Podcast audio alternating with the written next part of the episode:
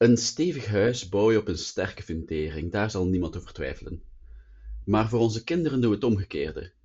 Enorme investeringen in hoger onderwijs, flink wat naar het secundair, maar basisonderwijs en kinderopvang zijn kind van de rekening. Pun intended. Men zegt wel dat voorkomen beter is dan genezen, maar hoe kunnen we dat vertalen naar jeugd- en onderwijsbeleid? Dat is de vraag die in deze editie van Itinera Invite centraal staat. Ik ben Simon Giotto en samen met Sophie Voets, oprichter van TADA, Toekomstatelier de l'Avenir, vragen we ons vandaag af hoe we preventie centraal kunnen zetten in jeugd- en onderwijsbeleid.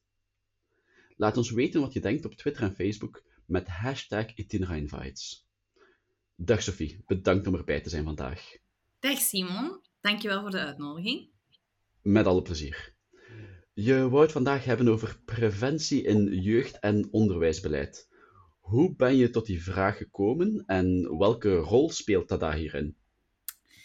Uh, ja, klopt. Ik wou het daar graag met jou over hebben, Simon. Omdat, uh, ja, zoals, we jou, zoals je mooi hebt gezegd in jouw intro, in België inderdaad investeren we minder in de eerste twaalf jaren van, van een mensenleven. Hè, terwijl tegelijkertijd eigenlijk alle onderzoek aantoont ja, dat dat de belangrijkste jaren zijn, hè, met de grootste impact. Hè. En um, dat is iets, ja, ik vind dat gek. Hè. Um, um, we zijn daar met TADA uh, mee bezig. Hè. Dus wat is TADA? TADA is een VZW. Hè. staat voor Toekomstatelier de l'Avenir. Hè. Ik ben daarvan de stichtster. En wij zetten echt in op de preventie uh, van problemen bij jongeren en kinderen die geboren worden in kwetsbare gezinnen in het Brusselse. Hè. Hoe doen wij dat specifiek? Ja, die jongeren die komen vanaf het vijfde leerjaar naar de weekendschool bij TADA en die krijgen daar extra leertijd. Hè? Die krijgen daar elke zaterdag uh, gedurende drie jaren praktijkles van bevlogen professionals. Mensen zoals jijzelf en, en, en kijkers en luisteraars. Hè? Dat kunnen advocaten, ondernemers, bio-ingenieurs, uh, zijn. Hè? En het idee is dat, dat we hen een, een duw in de rug gaan geven, een duw in de rug aan de families en aan de scholen. Hè? Um, dat we hun tonen wat de maatschappij te bieden heeft en hun aanmoedigen om zichzelf te ontwikkelen, uh, hun, potentieel te ontplooien en later bij te dragen als, als burgers. Hè. En we hebben daar echt gekozen voor een preventieve aanpak. Wij starten dus um, ja, op de leeftijd waarop kinderen uh, in het vijfde leerjaar zitten en we volgen ze gedurende tien jaar. Um, eigenlijk zou ik graag nog vroeger starten, uh, maar dat is niet zo eenvoudig. En vandaar dus, ja, vind ik het fijn dat je mij uitnodigt over dit onderwerp. Hoe doe je aan preventie in de context van jeugd en onderwijs? En wat zijn dan de dingen die je aan het voorkomen bent? Um, ja, je, je, je zet in op um, de algemene ontplooiing van kinderen. Hè? Dus um, de, de algemene ontwikkeling, all-round character education. Hè? Je biedt hen een, een warm netwerk, een warme plek, hè? Um, waar ze tegelijkertijd ook heel veel opsteken. Hè? Waar je hun, hun ontplooiing voedt, een goesting om zich te ontplooien, ook in de curieux. En, en, en je, ja, op die manier ja, bied je hun een extra uh, pillar in hun leven, een structurele factor. Want um, het is helaas een feit. Hè. In België um, is de onderwijsongelijkheid gigantisch. Hè. Dus het is helaas een feit in België dat de scholen en de families er niet in slagen, of onvoldoende in slagen, om onze, om onze kwetsbare jeugd uh, zich te doen ontplooien. Hè. Um, en dus preventie betekent extra middelen steken in de rugzak uh, van jonge kinderen die geboren worden in precaire contexten, om zo ja, kosten en problemen later um, te vermijden. Hè. Um, ik zal daar graag nog even op voortbouwen. Als je in Brussel geboren wordt, volgens één onderzoek van Itinera uit 2012, hè, um, van Bilal Ben dan heb je, uh, als je geboren wordt in een, in een uh, gezin van uh, Turkse of Marokkaanse origine, bijna één kans op twee om de school te verlaten zonder diploma. Hè. Dan word je heel vaak NEET, hè, dat zijn jongeren Nor in Education, Employment or Training. En ja, dan, dan wordt je leven, wellicht een leven, inactief op de arbeidsmarkt. Dat zijn gigantische kosten die daaraan verbonden zijn. Hè, want één jaar werkloosheid kost 33.000 euro hè, in, in ons land. En dus preventie is voorkomen van schooluitval, is voorkomen van problemen zoals neet worden, delinquentie en dergelijke meer. En dat is cruciaal. In je bijdrage op je blog wijs je terecht op het belang van die, die zichtbare resultaten. En als er zo een afstand is, zowel thematisch als chronologisch, tussen de actie en de reactie, dan is het heel moeilijk om die lijn te trekken. En zeker bij preventie, want bij succesvolle preventie zie je per definitie niet wat er anders was gebeurd. In onderzoekstermen, er is geen counterfactual. Hoe kunnen we dan preventie toch in die spotlight krijgen? Ja, dat is, dat is, dat is de, de key vraag, waar ik dus ook mee struggle. Hè? Dus ik, ik, ik, ik ben volledig met jou eens. Hè? Ik, ik, ik, vind, ik denk, het feit dat je mij hier uitnodigt, apprecieer ik al. Ik denk dat we het moeten belichten, dat we het moeten erover hebben, want ik sta heel vaak te kijken bij ja, hoe weinig mensen zich er eigenlijk bewust van zijn dat die eerste twaalf jaar, en dan, het begint al met die eerste drie jaar en het gezinsbeleid, de hele context, zoals je goed uh, zegt, hoe weinig mensen zich daar bewust van zijn hoe belangrijk dat dat is. Um, ik merk dat ook bij TADA. Um, donors um, geven vaak graag uh, meer uit aan onze alumniwerking. We werken uh, dus eerst drie jaar met, met, de, met de van ongeveer 10 tot 14. En dan via de alumniwerking is van 14 tot 20. En, en ja, die zitten dichter bij de arbeidsmarkt al. Dus daar is sneller return on investment. En ik merk dat mensen daar liever ja, centen aan geven. Ze geven dan soms ook liever centen aan andere organisaties. En ik denk dan, ja, ik, ik, ik snap het van één perspectief, maar van de andere kant ja, nee, je moet heel erg werken op die preventie, want anders heb je geen jongeren om mee te werken. Het spijt me, maar soms, er zijn in, in, in Brusselse bijvoorbeeld al heel veel jongeren die afhaken voor ze 16 à 18 jaar zijn. Hè. En als we dan kijken naar de, de institutionele samenstelling, want jeugd, gezinsbeleid, onderwijsbeleid zijn gemeenschapsbevoegdheden, de baten bevinden zich in sociale zekerheid, gezondheidszorg, in justitie, delinquentie, op de arbeidsmarkt. Dat zijn federale bevoegdheden. Maar zelfs binnen die niveaus zijn er de institutionele silo's.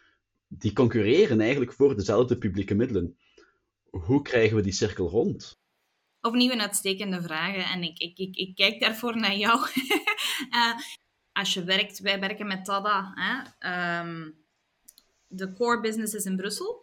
We hebben een uitstralingseffect daarbuiten. Hè? Dus we hebben organisaties die geïnspireerd zijn op ons in andere steden. Um, we hebben ook uh, ja, uitstralingseffect op andere manieren. We doen aan activisme aan trainingen en dergelijke. Maar onze core is Brussel en daar werken we in het Nederlands en in het Frans. Hè? Omdat, uh, ja, dat is voor ons belangrijk. Dat is Brussel dat is Brussel. En zo hebben we een, invloed ook op de twee systemen.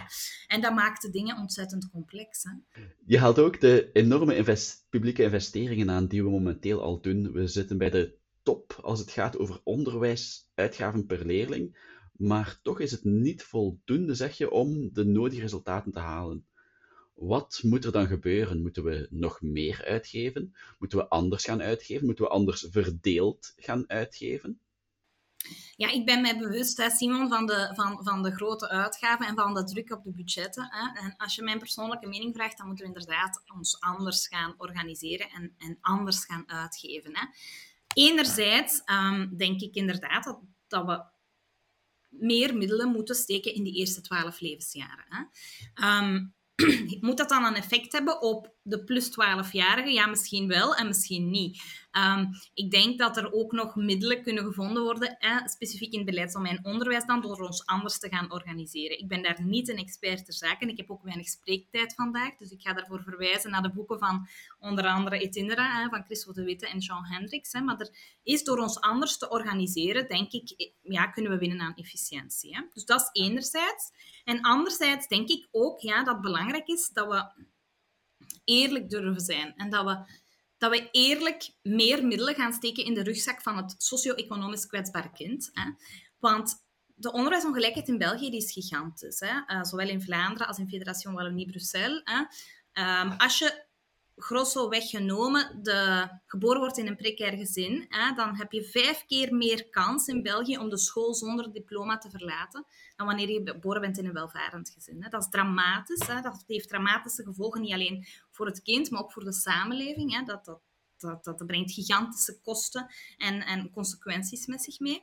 En ik denk ja, dat we dat kunnen voorkomen door eerlijk te zijn en meer middelen te steken in de rugzak van dat precaire kind. En die middelen kan je op verschillende manieren gaan besteden dan. Oftewel geef je die aan de familie hè, en ondersteun je de familie. Oftewel geef je die aan de scholen, hè, want um, ja, scholen die werken met kwetsbare en heterogene publieken, hè, die, die ja, spelen vaak nog grosso modo via de spelregels van de homogenere scholen. Hè. En, en dat is eigenlijk niet eerlijk. Ja, er zijn de gokmiddelen in Vlaanderen, maar als je het mij vraagt, is dat niet voldoende. Of worden die misschien uh, niet altijd uh, adequaat besteed. Hè.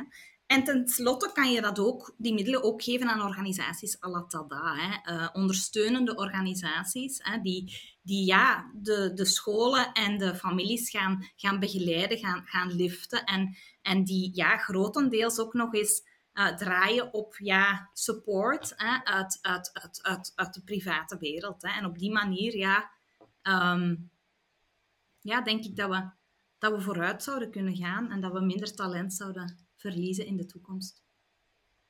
Dat lijkt me een heel mooie doelstelling, een heel waardevolle doelstelling ook.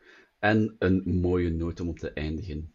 Deze editie van die Tina Invites zit er dan weer stilaan op. Ik vond het alweer een boeiend gesprek en tijd om even te recapituleren. Sophie, wat neem jij mee uit het gesprek vandaag? Um, ik neem mee dat we moeten blijven spreken over de problematiek uh, en moeten blijven bevestigen dat preventie belangrijk is. en ik hoop dat er tips komen uh, van het publiek over hoe we dat beter moeten aanpakken in de toekomst. Ik zal daarbij aanvullen dat ik vind dat iedereen zeker moet gaan lesgeven bij Tada. Ik deed het enkele maanden geleden en het was echt prachtig om die jongeren te zien openbloeien, zelfs op die ene zaterdag. Sophie Voets, bedankt om jouw inzichten te delen vandaag over preventie in jeugd- en onderwijsbeleid. En ook bedankt aan onze luisteraars en kijkers om er weer bij te zijn. Heb je een vraag of doe je onderzoek naar een urgent thema waarover je in gesprek wil gaan? Maak ons dan je vraag duidelijk in een korte post, video of ander medium naar keuze en mail dat naar invites.itinera.team. Mogelijk wordt jouw vraag dan het onderwerp van een van onze volgende edities. We delen onze dialoog en nieuwe inzichten via onze website en social media en hopen dat dit aanleiding geeft tot verder debat. Abonneer je op de podcast, blijf op de hoogte en ga mee in dialoog met hashtag Invites. Ik was uw gastheer Simon Giotto en hoop jullie een volgende keer weer te zien voor onze volgende vraag. Tot dan!